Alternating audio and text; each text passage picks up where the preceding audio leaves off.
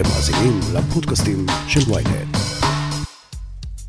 הרבה שנים אמרו לאישה שהיא באה לקיים יחסים בשביל הרגש, בשביל לקבל אהבה, אבל זה לא, זה לא מחזיק. אישה באה לשם בשביל הגוף, בשביל ליהנות. היא רוצה חוויה מסוימת. את המשפט הזה אמרה דוקטור מיכל פרינס, מנהלת מרכז יהל, חוקרת מיניות של נשים דתיות ומחברת הספר פשוט לרצות. בפרק החדש של סקס אפיל, מיכל תספר לנו על המהפכה המינית שעוברת החברה הדתית.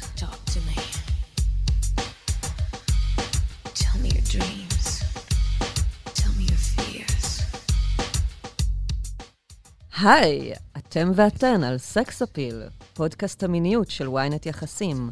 אני לא רשתת מאור, ואיתי באולפן דוקטור מיכל פרינס, אה, איזה כיף שהזמנת. שיש לך גם פודקאסט. נכון, נכון. אתמול חפרתי בו והיה מדהים, מרתק, ובייחוד אהבתי את הפרק עם השיחה עם הבת שלך, שהוא... אוי, זה הפרק האהוב עליי. וואו, אין כאלה פרקים. בגוף ראשון תחפשו אותו. כן, בגוף ראשון, הוא נמצא בכל הפלטפורמות, ומדברים שם על מיניות וגוף בחברה הדתית. מדהים. אה, שזה קצת מתקשר לפרק שאנחנו עוסקות בו היום, על אה, מיניות, בח- המיניות הנשית בחברה הדתית, והמהפכה של המיניות בחברה הדתית, ושינויים כזה שעברו בשנים האחרונות. אה, קודם כל, אני בעצם אה, אשמח אם תספרי קצת למאזינות ולמאזינים על פועלך המקצועי. עם דגש על הבחירה לעסוק בהדרכה לחיי אישות לזוגות נשואים, אני אשמח אם תסבירי בכלל מה זה, ומה ההבדל בין זה לבין הדרכת כלות והדרכת חתנים, ופשוט נעשה סדר כזה קצת בעולם הזה. בשמחה רבה. אה, אז הדרכה לחיי אישות זה מה שאני עושה בעצם בעשור האחרון, וזה משהו שהגעתי אליו, או ככה, אפילו אני אגיד, המצאתי אותו, בעקבות... אה, התחלתי דרכי כמדריכת כלות, אה, או למדתי הדרכת כלות, אני אגיד שמאוד מהר עזבתי את זה. אה, אה, כמה זמן עשית את זה? לא, שנה, שנתיים. אה. פשוט הבנתי שזה לא בשבילי. הדרכת כלות, אני רגע אעשה איזו סקירה היסטורית, הדרכת כלות זה משהו שהמדינה מחייבת אותו, כל אישה יהודייה שמתחתנת ברבנות צריכה לעבור הדרכת כלות. והדרכת כלות במהלך השנים מאוד השתנתה. זאת אומרת, יש את הדרכת כלות לחילוניות, יש לדתיות, ובציבור הדתי זה הפך להיות איזשהו מוסד מאוד מאוד מכובד, שבו אה, הכלה הצעירה מקבלת את המידע לקראת היום הגדול, לקראת החתונה. אה, וזה איזשהו שער כניסה, שדרכו נכנסים לעולם המיניות. באיזה שנה התחילו עם הנוהל הזה? אה, שנות ה-50, אה. אני חושבת שה 53. ממש עם קום המדינה כזה יחסית. נכון, נכון. אז זה, זה מאז. אה, שנות ה-90 בעצם אנחנו רוצ... רואים איזשהו פיצול, שהחילוניות ממשיכות לקבל שיחה אחת, אה, צוהר נכנסו לתמונה אז, ו- ובאמת שינו את ההסברת פנים אה, ל- לכלה החילונית, שזה כבר לא נראה כמו, כמו פעם, למרות שגם היום אני שומעת שיש ככה כל מיני תופעות שצריך להתייחס אליהן, אבל אני אומרת, יש שינוי. ובמגזר הדתי זה בעצם התרחב והפך להיות משהו יותר גדול, אבל עדיין נשאר איזושהי הכנה לליל הכלולות, לליל החתונה, ושם אני התחלתי דרכי המקצועית. אני... ובדרך כלל זה מספר מפגשים מצומצם כזה, שלפני החתונה? נכון, נכון. אז נפגשים לפני החתונה, מקבלים ידע הלכתי, כי יש הלכות חדשות שצריך uh, ללמוד אותן, יש uh, um, איזושהי אידיליה זוגית שצריך רגע להתייחס אליה, וגם את העניין המיני. וכמובן, בתקופה כזאת שהיא גם מוגבלת, גם הראש של הכלה נמצא במקום אחר, גם קצת ללמוד על יבש, כי, כי הכלה לא, לא נמצאת בעולם הזה, או לא אמורה להיות בעולם הזה. אה, אז, אז יש פה משהו שהוא מוגבל. בשנים האחרונות כן מדברים על להרחיב את זה למפגש או שניים אחרי החתונה. Mm. וכשאני באתי לדבר הזה והסתכלתי עליו ככה מהמקום שלי, הייתי, אה, לא הייתי אז נשואה טרייה, אבל ככה הייתי נשואה כמה שנים, ואמרתי, רגע, רגע, אבל, אבל מה קורה אחר כך? מה קורה שנתיים אחר כך? מה קורה חמש שנים? מה קורה עשרים שנה אחר כך? והתשובה שקיבלתי הייתה תשובה שככה השאירה אותי עם פה פעור, ודי נותנת לי עד היום את המוטיבציה למה שאני עושה, זה שאמרו לי, "אמ, לכל הזוגות קשה בהתחלה, ואחר כך מסתדרים. ואת המשפט הזה לא הייתי מוכנה לקבל, ו... קצת תורת הסמוך הישראלית כזה. יהיה בסדר. אני- הם ילמדו תוך כדי תנועה. כן, ואני חושבת שבאמת נכון לאז, ואני מדברת על 13 שנים אחורה, כשהנושא הוא לא מדובר, ובסך הכל זוגות מחייכים אחד לשני ברחוב או בבית הכנסת או בגן שעשועים, אז נראה שבאמת הכל בסדר. יצאתי למחקר, כתבתי את התזה שלי וגם אחר כך את הדוקטורט שלי על מיניות של נשים דתיות, ושאלתי נשים מה קורה. ספרו לי מה קורה. לא אמרתי להם מה לספר לי, כי גם מחקר פמיניסטי הוא מחקר שהוא מאוד פתוח, אני, אני לא נותנת להם אה, את התשובות מראש, מהמם. אה, או מכוונת אותם לתשובות שאני רוצה לקבל, אלא אני באמת רוצה לשמוע באופן כללי. ומאוד מהר גיליתי שיש פה סיפור הרבה יותר גדול, וסיפור שבעצם אומר, יש פה חוסר, חוסר בידע, חוסר בהדרכה, יש בדידות מאוד מאוד גדולה. ועם זה יצאתי לדרך. ושוב, אני, אני במקצוע שלי, אני במקצוע טיפולי, אבל אמרתי, זה לא טיפולי. זה, זאת uh, חוויה תרבותית, זה משהו חברתי. Uh, הטיפול צריך להיות לחברה ולתרבות, לא, Mm. לא לזוג עצמו. מהמם. ואז בעצם התחלתי להדריך זוגות. זאת גישה מקסימה, אני ממש אוהבת אותה. זה, זה עולם ומלואו. כי הרבה פעמים אנחנו אומרים לזוג, אה, יש לכם בעיה, טוב, תלכו לטיפול, תשבו במשך שלוש שנים על אה, ספת היועץ הזוגי, או שאני אני ממש לא מבטלת את התפקיד שלהם, אבל אם זה במסות כל כך גדולות, וכל כך הרבה אנשים מעניינים לי באותו מקום, אז כנראה הסיפור הוא לא אצל בני הזוג. מהמם. ו- ואז אה, אמרתי, טוב, אני מדריכה, שזה כאילו, כאילו לרדת ברמה, אני אומרת במרכאות, וכאילו ללכת על מקום אה, אה, אולי שגרתי יותר, אבל שם מצאתי את המקום שלי. אה, הקמתי את מרכז יהל, אה, שנותן הדרכה לחיי אישות, ועשיתי שני דברים מרכזיים. אחד, זה להדריך זוגות באופן פרטני, אני עושה את זה עד היום, היו אצלי זוגות לפני חתונה, אחרי חתונה, דתיים, חילונים, חרדים. כבר עשר שנים בעצם את... אה, עשר. שנים אני מהמם. עושה את זה, וממש יכול להיות אה, זוג שמגיע לפגישה אחת, ובדיוק השבוע היה לי זוג אה, חמוד, ממש חיילים בני 19. הם בקשר כבר שנה, משהו שם לא עובד טוב, והם באו, הם באו, אה, לא דתיים, ואני לא יודעת איך הם הגיעו Mm. אליי, מהמם. וממש הייתי צריכה רק לכוונן שם כמה דברים, וזהו, הלכו לדרכם, מחייכים ומבסוטים. זהו, וזאת הדרכה, הם לא צריכים טיפול, הכל, הכל ממש בסדר. אה, ומהצד השני, באמת גם יש זוגות אה, בוגרים, אה, ותיקים, אה, שסוחבים איזשהו אתגר הרבה שנים, וגם שם אה, אפשר לתת את, ה, את העזרה. והצד השני זה אקטיביזם. זאת אומרת, אני רוצה לפעול לשינוי חברתי, ש, שברוחב אנחנו נדבר אחרת על מיניות. וזה... וזה אני- כאג'נדה, בעצם. כאג'נדה. כהשקפת עולם שלך. כן, כן. אז זה אני עושה על ידי, אה, אם זה הרצאות וקורסים וכתיבה, המון המון כתיבה. אמרת את הפודקאסט, לפני שנה התיישבתי מאחורי המיקרופון, ואמרתי, אני את הידע שלי, אני שמה לעולם, קחו. איזה יופי. קחו, פשוט כאילו, והתגובות מדהימות, כי הנה יש משהו זמין, חינמי. אני יכולה, לא צריכה להקדיש זמן מיוחד בשבילו, ולא נסיעה, אני עושה את זה עם הכלים, אני עושה... זה גם נושא שהיה רוב השנים, כאילו, זאת אומרת, עד השנים האחרונות, סוג של טאבו בחברה הדתית. נכון. עכשיו, אני אגיד שהפעולה שלי מצטרפת להמון שינויים שקורים בחברה הדתית. יש פה איזה, איזה אני אגיד מפץ גדול, מפץ ש, שבעצם גרם לשינויים מאוד משמעותיים בחברה הדתית. אה, זאת לא אותה חברה שאני התחתנתי בה לפני 20 שנה. ואני הייתי שם, זאת אומרת, זה לא שעכשיו הייתי צריכה לפלס את הדרך ולעמוד מול התנגדויות, זה כאילו על איזה, איזה מצע רך כזה של, יאללה, תמשיכי, אנחנו רוצים לשמוע אותך ולשמוע עוד. אה, היום לכל אורך האוכלוסייה הדתית יש שינוי מאוד דרמטי בנושא של מיניות. אה, לומדים אותו, מדברים עליו, קבוצות פייסבוק אה, סודיות ולא סודיות שמדברות את זה. אה, אפילו אני, אני שומעת כבר את הקול של, די, חפרתם, זה כבר יותר מדי, בואו נעבור לדבר הבא. אה, וואלה, יותר מדי מדברים כבר. כן, אבל, Mm. אבל עדיין, זה, זה לא, יש עוד מה לעשות. את יכולה אולי לשער מהם הגורמים לשינויים האלה? אני מניחה שאולי משהו קשור באינטרנט. זה או- קשור אז- באינטרנט, זה קשור לפתיחות יותר גדולה למה שקורה בעולם. הרשתות החברתיות שיחקו משחק מאוד מאוד משמעותי, השבירה של ההיררכיות. כשאני יצאתי לדרך, את יכולת לשמוע על הדבר הזה, או הקורס שאני עשיתי בהתחלה היה קורס שרק נשים מסוימות יכלו להגיע אליו. מה זאת אומרת? איזה קורס זה היה? כשלמדתי הדרכת כלות, בשביל להיות, זה היה המקום היחיד שאפשר לדבר- היה לדבר בו על מיניות. אה, זה, זה היה המקום. אם רצית משהו פורמלי, מסודר, זה היה המקום. חוץ מטיפול מיני, נגיד, מקצועי כן, וכאלה. כן, אה. שגם זה, יש לו ממש אה, ניפוי מאוד רציני בדרך. אם אין לך ניסיון, אם אין לך את התואר הרלוונטי. אמרתי קודם, אני חושבת, אבל ש, שלא קיבלו אותי לקורס. הייתי אה. צעירה מדי מבחינתם, שכנעתי Mm. אותם, ובסוף הגעתי. אבל לא היה עוד משהו כזה. ופתאום, כשכתבתי, אה, והתחלתי, בעקבות הקורס, ולמדתי שם המון, וגם זה פתח בי משהו, כשהתחלתי לכתוב, פתאום התגובות היו, וואי, חיכינו לך. מה, מה, למה זה לא היה עד עכשיו? אה, אבל אני, אני באמת יכולתי פתאום להגיד משהו, שוב, בלי להיות הרב הזה או הרבנית הזו, או המטפלת הזו והזו. אה, אגב, אני חושבת שלדוקטורט אני יצאתי בשביל שיהיה לי איזשהו שם. עד שסיימתי אותו כבר לא היה צריך, אבל לא מתחרטת. מעולה. השגת דוקטורט אה, בעמל ויזע רבים. חד משמעית. אז אמרנו האינטרנט, הרשתות החברתיות, מה עוד תרם לה? אולי סדרות, טלוויזיה, נטפליקס? זה, זה תמיד היה.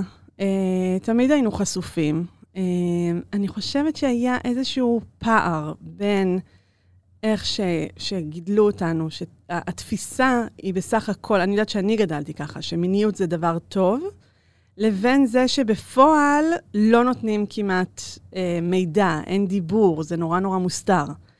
והיה צריך להדביק את הפער הזה, היה צריך רגע לכווץ אותו. אה, ושם נכנסנו. עכשיו, אני חושבת שרוב הדור שלי, ואני ככה היום בת 40, אבל אימהות של הדור שלי אומרות, אנחנו רוצות משהו לילדים שלנו. אנחנו אומרות את זה כבר עשור. מה זאת אומרת? מה הן רוצות? הן רוצות דיבור, אה, אני אומרת על נשים, גם גברים היום יותר שם, אבל רוצות דיבור, רוצים שהדבר הזה יהיה פתוח. המון ביקורת על הדור הקודם. אה, על היחס אה, שלו. כן, כן. שאני גם לא חושבת שזה שונה בין הציבור הדתי לחילוני במובן הזה. אז את אה, בעצם אה, נפגשת עם זוגות בניגוד להדרכת חתנים או כלות, שזה רק עם החתנים או רק עם הכלות, וזה קורה לפני הנישואים, ואת עושה את זה אחרי הנישואים נכון. כשהם כבר ביחד. זה יכול להיות זמן קצר ביחד וגם זמן ארוך, את אומרת. נכון, נכון. ובעצם זה מפגש אחד או סדרה של מפגשים. זה בדרך כלל סדרה של מפגשים, אה, סדרה מאוד קצרה, משהו כמו בין שלושה לחמישה מפגשים. אינסטנט כזה קצת. כן, כן, כי יש פה ידע מסוים. עכשיו, זה לא, שלא תתפסו אותי ב... זה לא ידע פרקטי. זה לא, אני אגיד, טוב, אפשר להגיד פה, זה לא מה נכנס לאן, כי זה רוב הזוגות יודעים. Mm-hmm. ולמרות שלפעמים אני גם פוגשת את זה ואני צריכה לתת לזה מענה. כן. אבל זה בעיקר בתפיסה. בתפיסה של למה אנחנו באים לחדר, מה אנחנו מחפשים שם, מה המקום של מיניות גברית והמקום של מיניות נשית. ויש פה איזשהו משהו שאנחנו עושים איזשהו תיקון למשהו מאוד מאוד רחב, ולא צריך יותר מזה. ואני אגיד, ביחד עם התפיסה, השקפת עולם, החיבור לגוף. איפה הגוף נמצא ביחסי Mm. מין. שעל זה את מרחיבה בספר החדש שלך בעצם. נכון, כן. רוצה קצת לספר?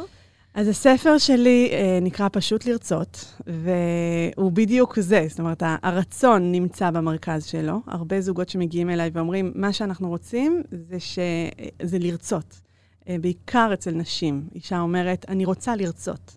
למה אני לא רוצה? מה הבעיה שלי? או גבר שאומר, אני רוצה שהיא תרצה, אני רוצה שהיא תהיה איתי, לא, לא, לא רוצה טובות או כזה, על הדרך. יש לך בספר באמת קטע מאוד מאוד מעניין, שאת אומרת שאת ניגשת לקבוצה של נשים בזמן שמקבילך הגברי בתפקיד ניגש לקבוצה נכון. של אה, גברים, ושתיכם שאלתם על העניין הזה של רצון ו- וחשק, השאלה הזאת של הסכמה, אה, רצון והסכמה במיניות. ואז מתברר שכל הגברים, זה היה ברור עבורם שהם ישכבו עם מישהי רק אם היא באמת בקטע. ממש. ולעומת זאת, כששואלים את הנשים, שאלת את הנשים, אז הם היו כזה, איך זה יכול להיות? אבל אולי בעלי יעזוב אותי, אולי הוא, הוא יכעס עליי אם אני אגיד לו לא. או שזה זה התפקיד שלי, אבל נורא נורא בעדינות. לא, אנחנו באמת מדברים על, על יחסים בין גברים לנשים מודרניים, אה, מאוד שוויוניים, אבל יש שם איזה עדיין משהו מאוד עדין, שהאישה צריכה לבוא לקראתו, להיות שם בתפקיד מולו, אה, ו- והרבה פעמים אין לה, אין לה מקום לרצות. ומה שאני עושה בתהליך הזה, שהוא מאוד קצר, זה רגע להגיד, שנייה, שנייה, קודם כל תקשיבי לבן זוג שלך שיושב פה ואומר, אני לא רוצה לקיים איתך יחסים כשאת לא רוצה. כן. אז אני עוזרת לה לשמוע, ולפעמים הגברים כועסים, הם אומרים, רגע, אבל אני אומר לך את זה כבר חמש שנים, למה רק כשמיכל אומרת את מוכנה להקשיב? אז יש פה איזה רגע אחד עדין כזה שאפשר אה, ל- להניח אותו. וה, וה, וההמשך של זה, זה, זה, אוקיי, איפה הרצון שלך? איפה ממש בתוך מערכת, בתוך המפגש המיני, איפה אפשר לאתר אותו? ו, ושם אני גם בספר, אני, אני קוראת לזה ככה שמיכות פוך, כן? כאילו, מין שמיכות פוך שמכסות על הרצון. השמיכת פוך אחת זה סבבה. כל שמיכת פוך היא מכשול בעצם. נכון, נכון. ש, שכל דבר זה איזושהי תפיסה תרבותית, או איזושהי תפיסה ש, שגורמת לנו לחשוב אחרת על, על, על, על המפגש המיני. ואני אומרת, שמיכת פוך אחת זה בסדר, ובלילה של קיץ עם מזגן דולק זה אחלה, אבל כשיש שלוש שמיכות פוך וחמש שמיכות פוך, כבר, כאילו, זה לא, את לא רוצה, את נמנעת, את ביי, כאילו, לא, לא, זה לא שם. אז הספר הוא באמת איזשהו תקציר אה, רחב של ההדרכה לחיי אישות, כי באמת הרגשתי באיזשהו שלב שאני אומרת את אותו דבר עוד פעם ועוד פעם ועוד פעם. ואז אמרתי, די, די כבר, והקורונה באמת אפשרה לי לשבת רגע ולכתוב את זה. אמרתי, קחו את הספר, תקראו את זה, ואתם לא תצטרכו אותי, ואני אוכל להמשיך הלאה. אבל ו- אז במה, איך תעבדי? כאילו, מי יבוא אני, אליי? אני אמצא, אל תדאגי. אני אעשה הסבה מקצועית, אני מחכה לזה. טוב, יפה מצידך. בעצם לפרוס את כל הידע המקצועי שלך וקחו.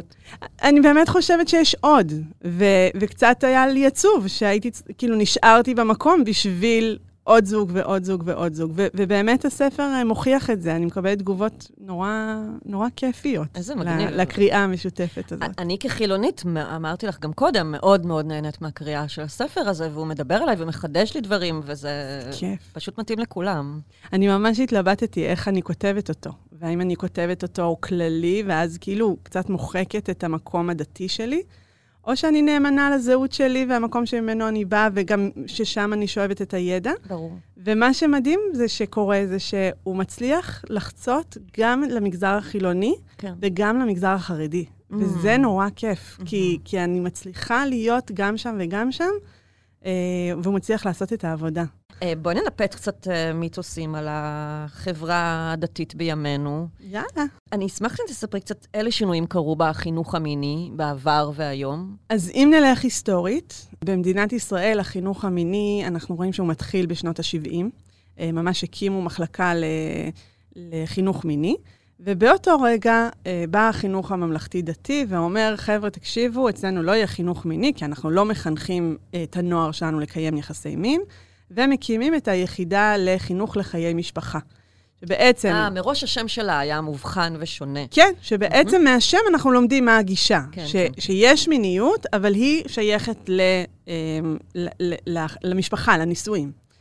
ואז בעצם במהלך השנים יש כמה עוגנים מאוד פורמליים, אם זה השיחה עם האחות, שאנחנו מכירים ב, בשני סוגי החינוך, ואם זה שיעור ביולוגיה, ומה שלנו יש ואין אותו בחינוך החילוני, זה יחידת אה, בגרות לתושבע, שנקראת, אה, בזמני זה קראו לזה אישות ומשפחה, היום קוראים לזה בח"ם, זה בית חינוך ומשפחה. אה, וואלה. כן, זה, אז זה משתנה. Hmm, לי כחילונית היה שיעורי כלכלת בית בחטיבה, אבל בעיקר לימדו כזה לבשל דברים, נגיד. אבל נגיד, לך כחילונית היה שיעור אה, חינוך מיני. נכון? אבל הוא היה מאוד מאוד חלקי, ובעיקר עסק באמת בפעולה הזאת של איך אה, באים ילדים לעולם, ולא כן. בשום דבר מעבר. ובאמצעי מניעה. באמצעי מניעה, כן. אז אצלנו בחינוך גם על הדתי... קצה המזלג. כן. אז, אז בחינוך הדתי לא ידברו על זה, וכבר ניגע למה שקורה היום. אז בעצם יש את העוגנים האלה, ככה אני גדלתי, שבעצם מכיתה ט' עד י"ב לא הייתה נגיעה בתחום, כיתה י"ב נורא נורא חיכינו לשיעור, ואז קיבלנו שיעור שהוא תכלס הרבה מאוד הלכה. Mm. אה, חזרתי לספר לימוד שאז למדתי ואמרתי, וואי, כאילו, זה, זה, זה מדהים, זה מדהים כמה ציפינו ו, ו, ומה קיבלנו בפועל. ועם השנים, מה שקורה, אנחנו רואים בעשור, עשור וחצי האחרונים, שינוי מאוד מאוד אה, גדול. אה, בעיקר אצל הבנות, בשנתיים, שלוש האחרונות גם רואים את זה נמשך לבנים. אהה. שיש היום רוב בתי הספר, אני אומרת רוב, אה, אבל אני כן אגיד שיש הבדל בין מרכז לפריפריה. אה, מרכז חברתי, כן? מה שראינו בגוש עציון וירושלים לפני שבע שנים, אולי מתחיל עכשיו באזורים יותר פריפריאליים. אה, אבל כן ברור לבתי הספר שהם צריכים להכניס את התוכן הזה. כמה, באיזה רמה, כמה ישקיעו, אה, מי, מי ילמד את זה? תלמד את זה המ- המחנכת ש, שנמצאת איתם תמיד, או יביאו מנחה מבחוץ? אה, יצרפו את ההורים, לא יצרפו את ההורים. המון שאלות ששואלים, וכמובן, איזה נושאים. אלו שאלות שכל בית ספר אה, מחליט עבור עצמו? רגע, יש את העניינים הפורמליים, ויש יחידה של חלמיש שכן, מועברת ועוברת שינויים ומתעדכנת. אה, יש, אה, יש אה, יחידה, זאת אומרת, כן היועצות נכנסות יותר לסיפור הזה, אבל זה עדיין החלטה של מנהל, מנהלת בית הספר, להגיד, אני שם את כובד המשקל במקום הזה. אה, וגם הנושאים, הנושאים התרחבו, זה כבר לא רק בואו נדבר על הווסת או על דימוי גוף. ידברו היום על להט"בים, ייתנו לזה המון מקום. אה, וואלה. כן. ידברו על... מעודד. אה, כאילו, כן, משמח. כן, כן, כן. כן. אה, שוב, זה גם שאלה של גישה. האם את נכנסת ומגיעה לנושאים האלה דרך אה, מוגנות ופגיעות מיניות, או שאת מגיעה מלכתחילה ומדברת אה, אה, גוף, גוף ומיניות? וגם שם, אה, איך, את, איך את מתווכת את זה, מה את רוצה שהם יצאו? אה, אני, אני אגיד ככה ב, בסוגריים, יש פה איזושהי אה, קפסולת זמן מאוד מאוד מיוחדת בציבור הדתי. בגלל ש... כרגע. כן, אבל, אבל אני חושבת שאם אם נדע לשמר אותה, נוכל להביא הרבה תועלת. כי הצעיר והצעירה, הנער והנערה, הדתיים, לא מצופים להיות בקשר מיני. כן. אה, ולכן הם יכולים להשקיע, ואנחנו יכולים להשקיע את האנרגיה שלנו בללמד אותם על עצמם, בלהקשיב לגוף, ב... ב- כאילו, איפה אתם? לא רק בסיסמאות. יש התייחסות, אגב, גם לפורנו, מתוך הבנה שהרבה אנשים יש להם אינטרנט וגישה לזה, וזה עלול להיות זמין, כי, כי, כי, יש. כי ילדים כן. מסתכלים וחוקרים. יש, יש. זה שוב שאלה של עד כמה, וכמה אנחנו מבינים אה, שזה קורה, וקורה גם אם נשים חסימות על הפלאפון, וגם אם הילד שלנו הילד הכי צדיק בעולם. אה, השאלה- בדיוק. כאילו, גם אם הטלפון שלו יהיה מה שנקרא טלפון כשר, ויבוא ילד מהכיתה שלו ויראה לו משהו, אז הנה, הוא נחשף. נכון. אז אנחנו מדברים היום על מרחב פורנוגרפי. אה, תראי, לפני כמה שנים שהייתי באיזושהי הרצאה על הנושא הזה, לא, אני הקשבתי, לא, לא אה, העברתי. אה, אני ממש זוכרת שהמרצה הביא נתונים אה, וכמה אחוזים, וישר הייתה יד מורמת בקהל, ואמר, אוקיי, אבל מה האחוזים בציבור הדתי? ושם אנחנו... אחוזי, צפ- אחוזי צפייה. כן, צפייה, חשיפה וזה. כאילו אנחנו מניחים שבגלל שאנחנו דתיים, אז יש משהו שונה. היום אנחנו כבר לא שם. אני חושבת שהיום זה יותר מדובר. אה, האם יש לנו אה, פתרון? האם יש לנו מה לעשות? אה, אנחנו בשאלה על זה. אני חושבת שכמו כולנו, אנחנו כולנו בעצם נבוכים מול מה שקורה פה. זה מתקשר לעניין הזה של אה, לאיסור הגורף על הוצאת זרע לבטלה בעצם, אה, זאת אומרת, כאילו, ההנחה היא שהם לא אמורים בכלל להתעסק בזה, כי הם לא אמורים לאונן. תקני אותי אם אני טועה. זו שאלה מאיזה מקום את מגיעה. אם אני אה, הרב בישיבה, יכול להיות שאני אבחר לגשת לזה משם. גם בזה יש שינוי גדול, Mm. ומבינים שחינכו פה שני דורות אה, על אסור, אסור, אסור, אסור, ובעצם צריך רגע להיות באסור, אבל הוא צריך להיות יותר מרוכך בשביל שהנער יוכל לצלוח את גיל ההתבגרות בלי אה, להישרט. כן, אה, אבל- ובלי להיות בטוח שהוא הולך למות, או שיהרגו אותו, שהוא יענשו, מ- יענישו אותו. ממש ככה. אני רואה את זה בצד השני של זה. אני רואה את זה כשאני פוגשת את הזוג הנשוי, שכבר מותר להם לקיים יחסים, אבל, הוא, אה, אבל הגבר מביא איתו את, את הפחדים שליוו אותו. Mm. ו- ואז זה משליך גם על האישה, כי. כי אם, אם שמרתי על עצמי כל השנים, אז, אז, אז הנה, אז הגעתי לזמן שאני רוצה ויכול, אז, אז למה את לא פה איתי, או, אהה. או באותו קצב שאני רוצה להיות. אבל אני אגיד שהיחס לפורנוגרפיה בעיניי, וזה גם מתוך התפיסה, גם נשית וגם מאוד פמיניסטית שלי, ש, שאנחנו רגע צריכים להבין מה המשמעויות של זה לחיים שלהם ולבנייה של המיניות שלהם, ו, ובכלל התעשייה וכל הדברים שאנחנו יודעים להגיד על פורנוגרפיה. אמ, אז, אז זה שתי, שתי, זה לא שתי גישות וזה לא מנוגד, זה שני קולות שאנחנו צריכים להשמיע. אז זאת אומרת, אבל שהדברים האלה כן מדוברים, כל, כל, כל מקום וכל עיר או יישוב בוחר את, את האופן שבו כן. זה יהיה מדובר? כן, כן, כן, כן, אבל, אבל זה ממש, זה ממש על השולחן, זה ממש כאילו. יש לי קולגה לא דתית, שהיא אמרת לי, מיכל, אתם כבר עברתם אותנו כמה צעדים קדימה, כאילו, מבחינת הפתיחות והדיבור וההתעסקות. אני ככה הרגשתי לגבי הספר שלך, כי אמרתי, וואו, הלוואי שאני אה, צעירה יותר הייתי קוראת את הספר הזה. הוא היה מלמד וואי. אותי ופותח אותי להמון דברים, זה כיף. ו... והוא מכוון לקהל דתי כביכול, ובעצם זה שיח שאין בעולם החילוני. לא מספיק. אני מנסה להעביר אותו בפודקאסט הזה, וסקס אפיל, אה, ולחנך למיניות בריאה ומיטיבה, אבל זה לא שיח שמדובר מספיק. אני חושבת שהעניין הוא באמת למפות את התרבות. מה התרבות מכוונת? כל הגישה שלי זה תרבות וגוף. כאילו, מה התרבות אומרת לי על הגוף שלי? ומה הגוף שלי באמת רוצה? והאם החברה החילונית מצליחה לעשות את המיפוי הזה של איזה מסרים נערים, נערות, נשים, גברים מקבלים על הגוף, והאם זה באמת גם נכון מבחינת ידע אנטומי וגם מבחינת תפיסת עולם, מה, איך אנחנו תופסים את הדבר הזה של מיניות ו- וקשר פיזי בין גבר לאישה. אני חושבת שבציבור הדתי, אנחנו שם, במיפוי הזה ובפינוי דרך, בשביל שבאמת בני הזוג שבוחרים להיות ביחד, הם, הם יוכלו להיות ביחד בטוב. זה הכי חשוב, זה- המטרה. בשביל זה אנחנו כאן. אמ, נהוג להלל את אה, ליל הכלולות, ב- ב- לפחות ב- בקלישאות על איך שמסתכלים, חילונים מסתכלים על דתיים, ב- בתור, אה, הם התחתנו, אז עכשיו הם יאבדו את בתוליהם.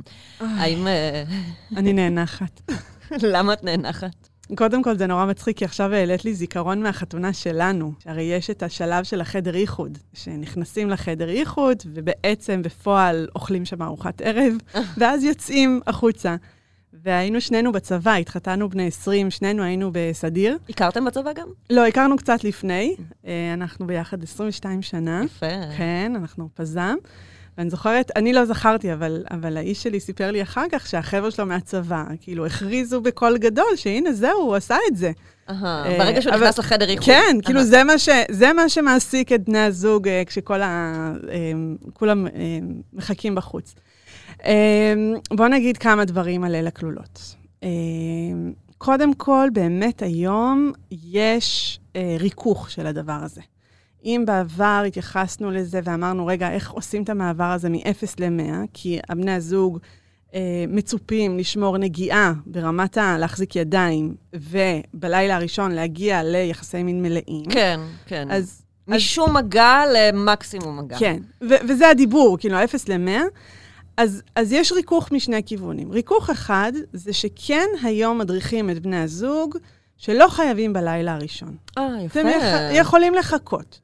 אני כבר אשים על זה כוכבית, אוקיי, בסדר? למה כוכבית? אני אשים על זה. אז, אז רק אנחנו, אנחנו כן שומעים, נגיד, בהדרכות חתן וכלה, אה, שאומרים, דברו על זה, אה, לא חייבים בלילה הראשון, חכו, תראו איזה. אני שמה כוכבית, כי זה עדיין משימה. רוב הזוגות שאני פוגשת, גם 20 שנה אחרי הנישואים, כשאני אשאל אותם על הלילה הראשון או על הפעם הראשונה, זה יהיה דרך המילים, הצלחנו או לא הצלחנו. אה. כאילו, הייתה פה משימה. הצלחה היא חדירה בעצם? זאת כן. הצלחה? כן, כן, כן. זה יחסי מין, לפי התסריט התרבותי של כולנו. ו, ו, ושם, הלוואי ונצליח לרכך את התסריט הזה ולהגיד, "ה- המטרה היא שיהיה לכם נעים ביחד. המטרה היא שאתם תהנו. המטרה היא ש, שתגלו איזה משהו חדש שלא ידעתם על עצמכם, ולא מה נכנס, כן. או מתי, ממש. או כמה. אז את אומרת שזה מתחיל טיפין-טיפין היום בהדרכות חתנים וכלות נכון, בעצם. נכון. יש, ממש, יש גם כתיבה הלכתית על זה, זה כן משהו שהוא יותר מדובר. אז אני אומרת שוב, עם הכוכבית, צריך לזכור שזה לא מוריד מאיתנו את המשימה. המשימה נשארת, היא פשוט נדחית בכמה ימים.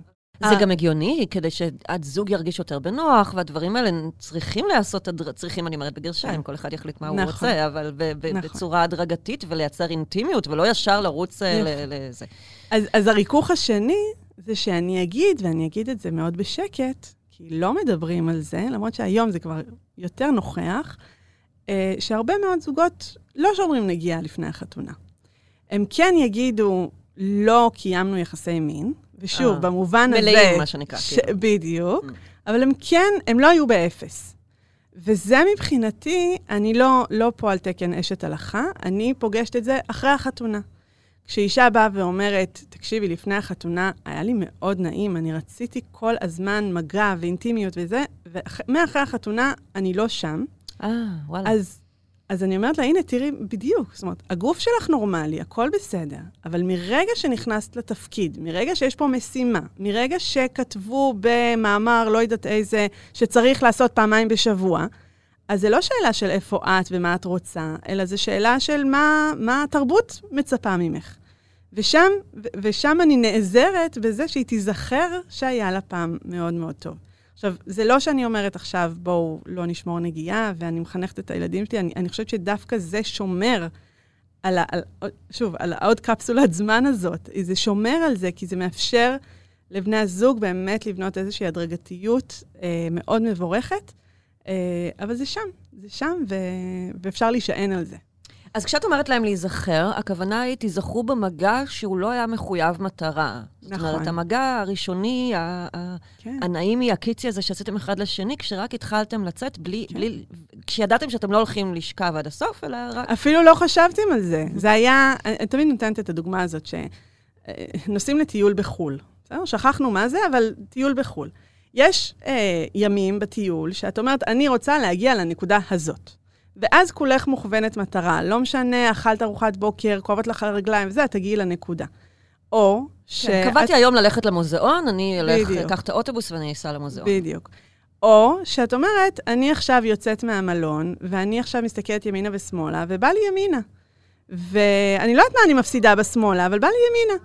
ועכשיו הלכתי שעתיים, ועכשיו אני רוצה לנוח, אז אני מסתכלת, ואני בוחרת את הבית קפה שאני אשב בו, ואז אני אשב ואני אנוח. אז זה מצחיק, כי אני אומרת בית קפה בחו"ל, וישר עולה לי לראש, כאילו, דוסים, כן? אנחנו לא יושבים בבית קפה בחו"ל. אלא אם אבל- כן הוא אבל- אה, יהודי ו... הוא נכון, כשר. אבל אז את ממש צריכה ללכת ולמצוא אותו ולדעת עליו מראש, אבל זה בדיוק, האנלוגיה היא, היא, היא בדיוק זה. כי גם בתוך המיניות הזורמת והקשובה והכול, אנחנו עדיין חיים בתוך איזה שהם גבולות. אה, שגם הם, הם שומרים עלינו, הם, יש להם מטרה, אבל, ואני, ואני בוחרת לחיות בתוך הגבולות האלה, אבל, אה, אבל הם, הם עדיין גבולות. אז את אומרת, אתם לא חייבים ללכת ישר למוזיאון, אתם יכולים גם לנסות סתם לצאת מהמלון וללכת החוצה ולראות מה קורה. נכון, נכון. אז זה המשל שלך לגבי האינטימיות הזוגית בעצם. אני אקרא, והרבה אנשים כועסים עליי על זה, אני אגיד שיחסי מין זה כולל בתוכו כל קשר פיזי בין בני זוג. כל הדברים שאני לא אעשה, לא עם חברה שלי, לא עם אמא שלי ולא עם הילדים שלי. יש שם קשר פיזי מאוד מאוד מיוחד, והוא לא חייב להיות רק הדבר הזה. יכול להיות שבזמן מסוים הוא יכוון לתסריט הזה, ויכול להיות שבזמן אחר הוא לא. והשאלה אם אנחנו מספיק פתוחים בתודעה שלנו, בגוף שלנו, ל- ללמוד את, ה- את המגוון הרחב הזה. ומה התגובות שאת מקבלת כשאת אה, בעצם אה, מדברת על זה, מזכירה את זה, מזכירה את האופציה? מעלה את האופציה הזאת על השולחן? תראי, מי שנמצא אצלי בתהליך, אני, אני מביאה אותו, מביאה אותו להסכים איתי. זה לוקח זמן. אה, אבל, אבל בסוף, ברגע שהגוף מגיב לזה, אה, והגוף אומר, "אה, אם תיתנו לי לרצות, אם תיתנו לי לבחור, אני עף. אני שזה איתכם." המסר של הספר שלך בעצם. נכון, נכון. אבל לפעמים זה מפחיד. כאילו, רגע, אבל אם אני, אבל אם אני לא ארצה לעולם, זה איזה קפיצת בנג'י כזאת, כאילו להסכים להישען אחורה על מיכל המשוגעת שאומרת דברים כאלה, ולהגיד, אוקיי, גם אם אני לא ארצה לעולם, עדיף לי להיות באין רצון ב- לעולם, מאשר להיות שם לא ברצון. Mm. עכשיו, זה כאילו, זה risky כזה. אה, הרבה פעמים זה הנשים מפחדות מזה, והגבר אומר, אני מעדיף לא לקיים יחסי מין בכלל, מאשר שתבואי כשאת לא רוצה. אני, שתעשי לי טובה וכאלה. לא רק תעשי לי טובה, אני, אני לא רוצה לפגוע בך. Mm. אני רואה שאת אומללה. אה, כאבים ביחסי מין מגיעים במקום הזה. זה מזכיר לי משהו נורא חמוד נוסף שכתבת בספר, על הגברים החמודים. נכון. זה נושא מדהים בעיניי. נכון. שגם אני כחילונית יכולה להתקשר לזה במקום של אה, נשים בדרך כלל מפנטזות על איזה גבר מאצ'ו, אה, alpha male, שייקח אותן, ובסוף, וזה לא נכון, זה לא קורה ככה במציאות. בסוף כאילו, אנחנו כן רוצות את הבחורים הרגישים, והאמפתיים, והנעימים, ואלה שהתחשבו בנו, ואלה שיש להם הבנה שאנחנו לא פה בשביל לרצות אותם, אלא שיש לנו, אנחנו עומדות כישות בפני עצמה. אני, אני לא חושבת שהגבר החמוד סותר את האלפא מייל הזה. Uh, הגבר החמוד, uh, הוא ייקח אותך כשאת רוצה ללכת איתו. Uh, וזה זה ה- ה- הלקונה שאנחנו אנחנו צריכים לתקן. כי, כי בתרבות שלנו, דתית וחילונית כאחד, התפיסה היא שלגברים יש דחף מיני, ושהם לא שולטים על היצר שלהם, כן. ו- והם צריכים לקבל משהו בשביל להישאר איתך. ו... אחרת הם ילכו. נכון, או, כן. ילכו, יבגדו, ילכו לפורנו, כאילו, מה כן. את רוצה? זה... ו... וההפתעה שהייתה לי במהלך, ה... במהלך השנים, זה שבאמת נכנסו נשים ל... לקליניקה, והן היו פותחות, ב... הן היו אומרות, "אמ, יש לנו קושי כזה וכזה, אבל תדעי לך שהבעל שלי חמוד. עכשיו אמרתי, טוב, אז כנראה כל החמודים מגיעים אליי, אבל בחוץ הם עדיין... אבל בסוף הבנתי שזה לא איזה עילית של גברים, זה באמת בסוף הרצון המיני הבסיסי של הגבר זה להיות עם אישה, כשהיא רוצה, כשהיא איתו, כשהיא, כשהיא עפה עליו. לגמרי. אני לא גבר, אבל אני מניחה שזה שזה מה שהם רוצים. כאילו, כן. כל אחד אה. רוצה את ה...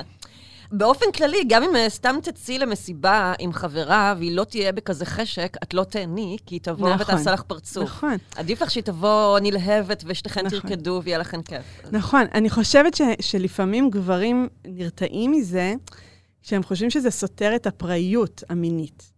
אני אומרת, זה לא סותר, להפך. כש, כאילו, ששניכם תהיו פראים, ששניכם תהנו ו- ותעופו על עצמכם. אבל בשביל ששניכם תהיו שם, באמת אתם, הרצון צריך להיות מאוד נוכח. בואי נדבר על היחס אה, בחברה הדתית כלפי אמצעי מניעה.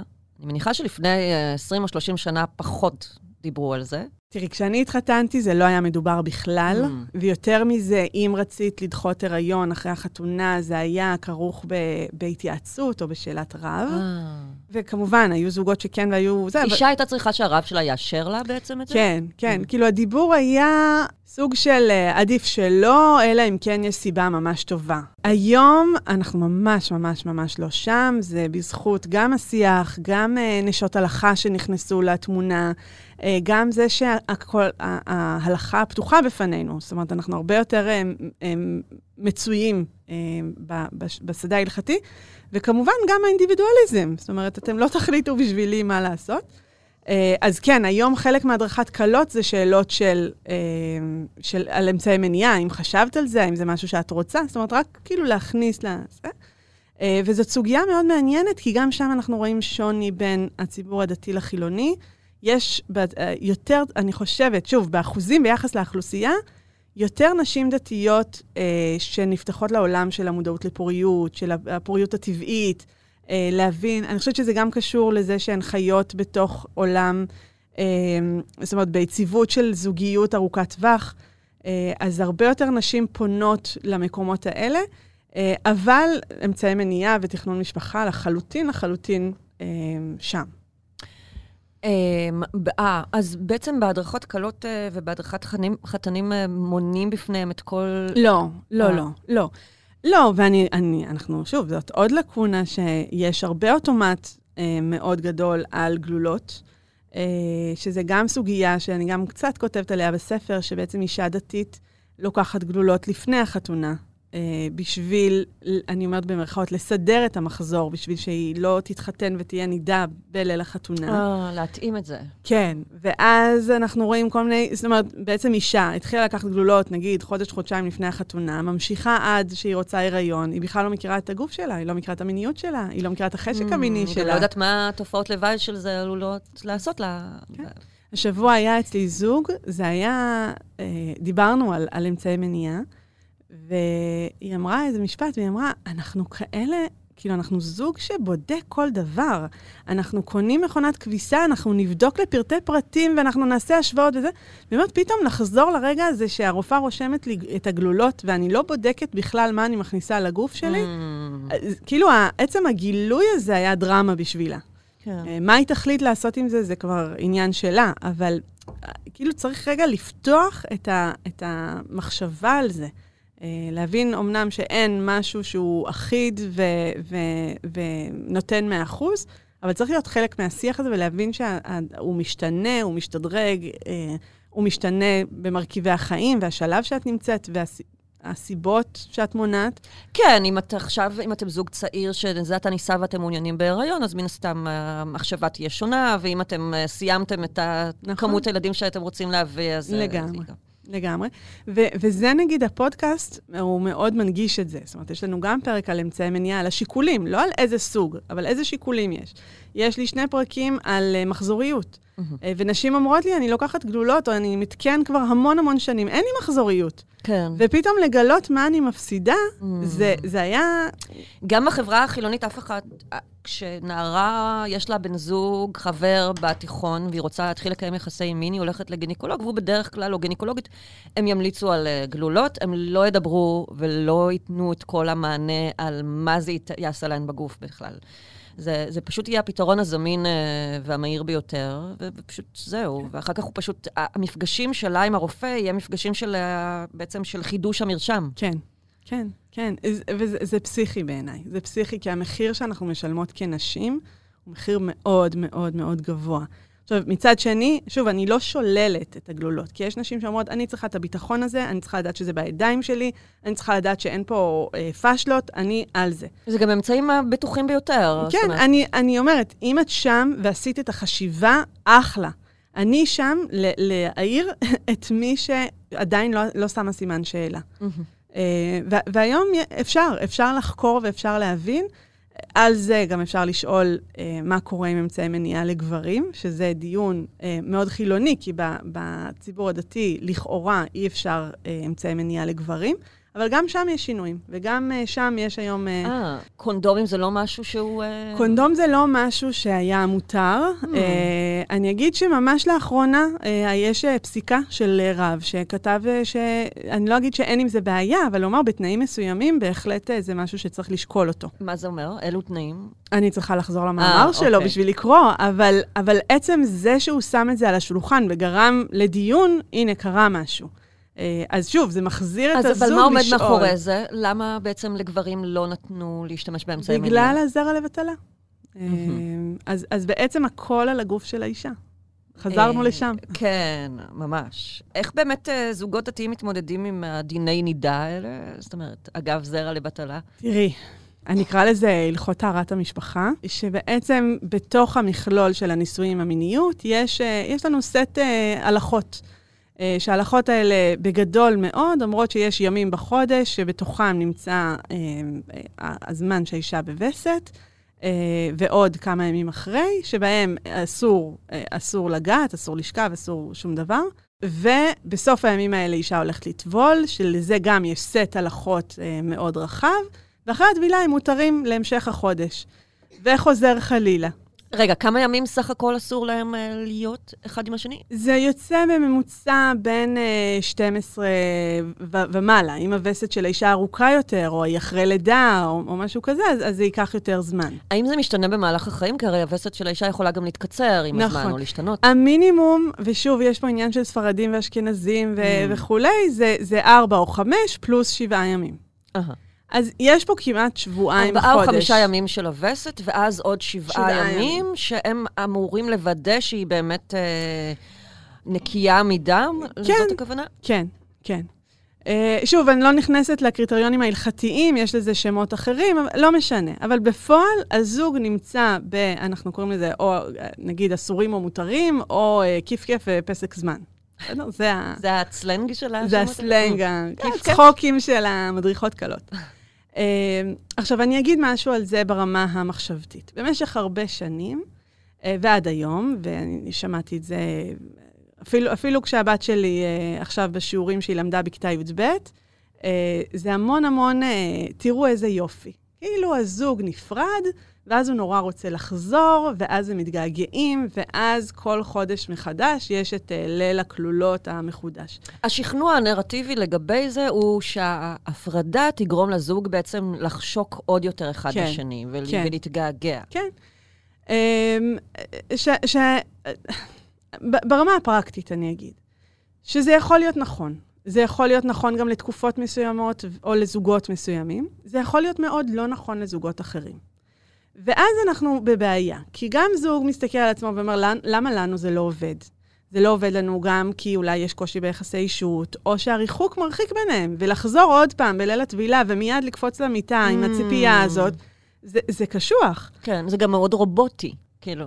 כן ולא, כי אה. את יכולה גם להגיד שבדיוק הביוץ יוצא שם והעלייה של החשק המיני, אבל נגיד אה, עולה לה החשק המיני בשבעה ימים האחרונים, שזה לקראת הביוץ, ואז אחר כך זה יורד, ויש להם עוד שבועיים מותרים, אבל היא פחות רוצה. כן. אז יש שם המון דילמות. אחד הדברים שאנחנו רואים זה שנשים אומרות, לא בא לי, לא בא לי על ההלכות האלה, אז, אז אני אחבר חפיסות של גלולות, שלא נצטרך להיפרד, שאני לא אצטרך ללכת אז למקווה. למה, אז אפשר לשאול למה היא דתייה מלכתחילה, אם לא בא לה לקיים את הדברים האלה. לא יודעת. לא, אה, לא, אני לא חושבת שהייתי הולכת לשם. אני חושבת שהנה, האפשרות הרפואית מאפשרת לה לא להצטרך לקיים את, ה, את המצווה הזאת, וזה בסדר גמור. Mm. תראי, אנחנו לא מקריבים קורבנות היום, אין לנו בית מקדש. את יכולה להגיד, רגע, עכשיו נבנה בית מקדש, שיהיה לנו לקיים את המצווה. לא, כאילו, זאת מציאות חיינו, והיא מאפשרת לנו לשחק עם זה. עכשיו, אני אומרת, רגע, את לוקחת גלולות עם ההשפעה שלהן ומחברת חפיסות בשביל להימנע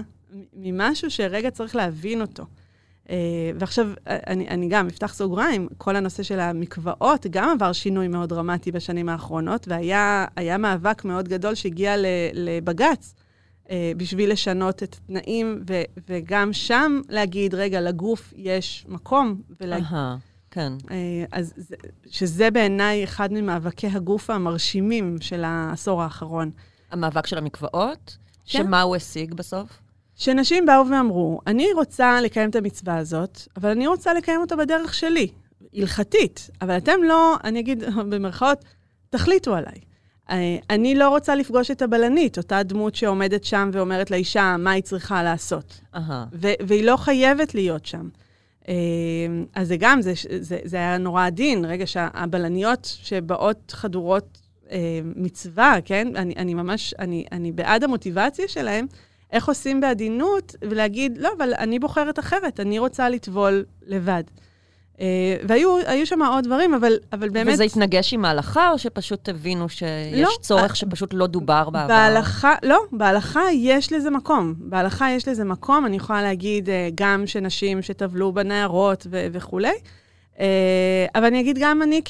בזמנו, לפני הרבה שנים, הייתי בלנית במקווה, גרנו באיזה יישוב קטן, ובאחד הערבים, שעלינו למקווה, מישהי הייתה צריכה לטבול, והייתה הפסקת חשמל. עכשיו, מה את... כאילו, אני לא רואה אותה. והתקשרנו לרב, והרב הרב אמר, אין שום בעיה, אם היא שמה איזה משהו על, ה, על הראש, ככה רפוי, רק לוודא שהשיער, שזה המטרה של הבלנית, רק שתראה שהשיער בתוך המים, אז כאילו, וה, והמטפחת הזאת, הרשת הזאת, יכולה להיכנס אה, אה, לתוך, כאילו, היא מכניסה את השיער, אז, אז אין עם זה בעיה. Mm. אה, עכשיו, שוב, אני, אני לא נכנסת ל... ל זה- זה אפשרי, זה אפשרי, והנה, אנחנו רואים שזה זה קיים יותר ויותר. אה, אני הייתי חלק מהמאבק הזה, כי רציתי שהבנות שלי, יהיו לה, יהיה להן בחירה. אה, אז היום ו- אישה שהיא הולכת למקווה, אז היא יכולה לבחור אם היא רוצה שהבלנית תהיה נוכחת או לא. כן, לפעמים זה יותר קל, ולפעמים זה יותר קשה. שזה מדהים, כי זה נראה, נשמע כל כך סטנדרטי וברור מאליו, ובסוף מסתבר שהיה מאבק שהגיע עד בג"ץ. אה, היה. מאבק, הוא, הוא היה מאבק שבדיעבד היה מאוד מהיר. כאילו, אם חלמתי שהשינוי יהיה אצל הבנות שלי כשהן התחתנו, אז אני נהנית מה, מהדבר הזה כבר כמה שנים. מגניב. ש, שזה ממש, זה, זה, את מרגישה שקורה משהו. מה לגבי היחס בחברה הדתית לגבי ההנאה של האישה? מאוד בעד. זה משהו שהוא מובן מאליו, Mm. אה, הוא מדובר, אבל אני חושבת שאנחנו נופלים לאותם בורות שנופלים אה, כולם. אה, האחוזים של נשים שלא מגיעות לסיפוק עדיין נמוכים מדי. אה, הברור מאליו הוא שגבר הגיע לסיפוק, זה חלק מהתסריט המיני. התכוונת גבוהים מדי. זאת אומרת, אחוזים של נשים האחוזים שלא מגיעות. שלא ל- מגיעות, כן. הם, כן, כן, הם גבוהים. Uh, וזה מאוד מצער, וזה, וזה מאוד פוגם. זה אישה... הרבה שנים אמרו לאישה שהיא באה לקיים יחסים בשביל הרגש, בשביל לקבל אהבה, אבל זה לא, זה לא מחזיק. Uh, אישה באה לשם בשביל הגוף, בשביל ליהנות. Uh, היא, רוצה חוויה מסוימת. Uh, גם אם היא לא יודעת שזה מה שהיא רוצה, או, או כאילו הגוף, יש לו כמיהה למשהו. מהמם. אה, אני- ממש, בספר שלי אני מקדישה פרק שלם שהוא מאוד מאוד אה, פרקטי, אני אגיד, אה, ומאוד גם מנפץ מיתוסים, ומאוד רגע שם, בואו נשים את ההנאה של האישה במרכז, ו- ונגיד מה אמרו לנו פעם שהוא לא נכון, ונשנה את זה. אז מה אמרו פעם שלא נכון ומשנים? קודם כל זה ששמו את החדירה במרכז. אהה. אנחנו יודעים שרוב הנשים מגיעות לסיפוק אה, לאו דווקא מהחדירה. כן. זה דבר ראשון, כי יכולה להיות אישה שיודעת להגיע להנאה, אבל תמיד מאחורה בראש יש איזה, רגע, אבל אני לא כמו כולם, או אני לא בסדר, או אני לא עושה את זה בצורה נורמלית. אז רגע, לנרמל את זה. אה, ואני חושבת שהדבר הכי מרכזי שלמדתי עם השנים, אחד הדברים אה, שאומרים לנשים כל הזמן, אומרים להם להרפות ולשחרר. ואם תשחררי, אז, זה, אז יהיה בסדר. עכשיו, היהיה בסדר בדרך כלל מתייחס לכניסה שלו. כן, הכוונה של ההרפאיה היא לא לכווץ כדי שלא יכאב לבנ- בנרתיק. בדיוק. אבל כאילו זה מאוד מוכוון לשם. עכשיו, בשביל להגיע להנאה מינית נשית, בשביל להגיע לאורגזמה, אישה צריכה לכווץ. מהמם. ואם אישה שוכבת במיטה ומשחררת, כי ככה כולם אומרים, וככה כתוב בכל מקום, וככה המדריכת כלות אמרה, או הרבנית, או הרב, לא יודעת, מישהו אמר, וגם המטפל המיני, וכולם אמרו לה, זה אצלך בראש, וה- והאיבר מין הכי גדול זה הראש, ואם תשחררי שם... והיא מרפה. וזה בדיוק התנועה ההפוכה לזה שהגוף אומר, אבל אני רוצה לכווץ, תני לי לכווץ. כשאני Hmm. אכווץ, אני אגיע לשם. מהמם. ו- וזהו, וזהו. אני, אני נותנת פה טיפ, כאילו... אני, אני פעם כתבתי על זה טור, ב, כתבתי באיזה מגזין נשים, וכתבתי, קראתי לזה אה, למעלה, תכווצי ותראי ישועות. ו, ואני אומרת באמת, כאילו, תכווצו, די לעבור רפויות. ודי להרפות, ומישהו יגיד לי, תשחררי, אני, אני יוצא לי כל החיצים. באמת. כי, כי זה, זה ההתגלמות, מה שאמרתי קודם, על הגוף והתרבות. זה ההתנגשות בדיוק זה. הגוף אומר משהו אחד, והתרבות אומרת, לא, לא, לא, לא, לא, אתה לא הבנת, ועכשיו אתה תרפה ואתה תעשה בדיוק הפוך ממה שאתה רוצה. דוקטור מיכל פרינס, איזה כיף. תודה. יש, תודה רבה לך. היה לי העונג. תודה לך, היה כיף גדול, ואיזה כיף לצד, לשבת מהצד השני של המיקרופון, אה, ומוזמנים לשמוע עוד גם בפודקאסט אה, בגוף ראשון. נשים לו לינק בכתבה שתעלה בוויינט. המון המון תודה. תודה רבה. עד כאן עוד פרק של סקס אפיל. לצערי, זה גם הפרק האחרון לתקופה הקרובה, כי אנחנו יוצאות לפגרה קצרה. כדי להאזין לפרקים נוספים שלנו, מוזמנים לעקוב אחרינו בוויינט, ספוטיפיי או בכל אפליקציית פודקאסטים שבא לכם עליה. בינתיים תוכלו לכתוב את דעתכם על הפרקים וגם להציע רעיונות לעונה הבאה בקבוצת הפייסבוק שלנו, Sex Appeal, הקבוצה לדיונים. אני מבטיחה לענות לכל הכותבים. עורך הפודקאסטים הוא רון טוביה, על הסאונד שחר ברקת. אני לא רשתת מאור, חג שמח ושתהיה לכם שנה מדהימה וסקסית לאללה. נשתמע אחרי החגים, ביי. Talk to me. Tell me your dreams.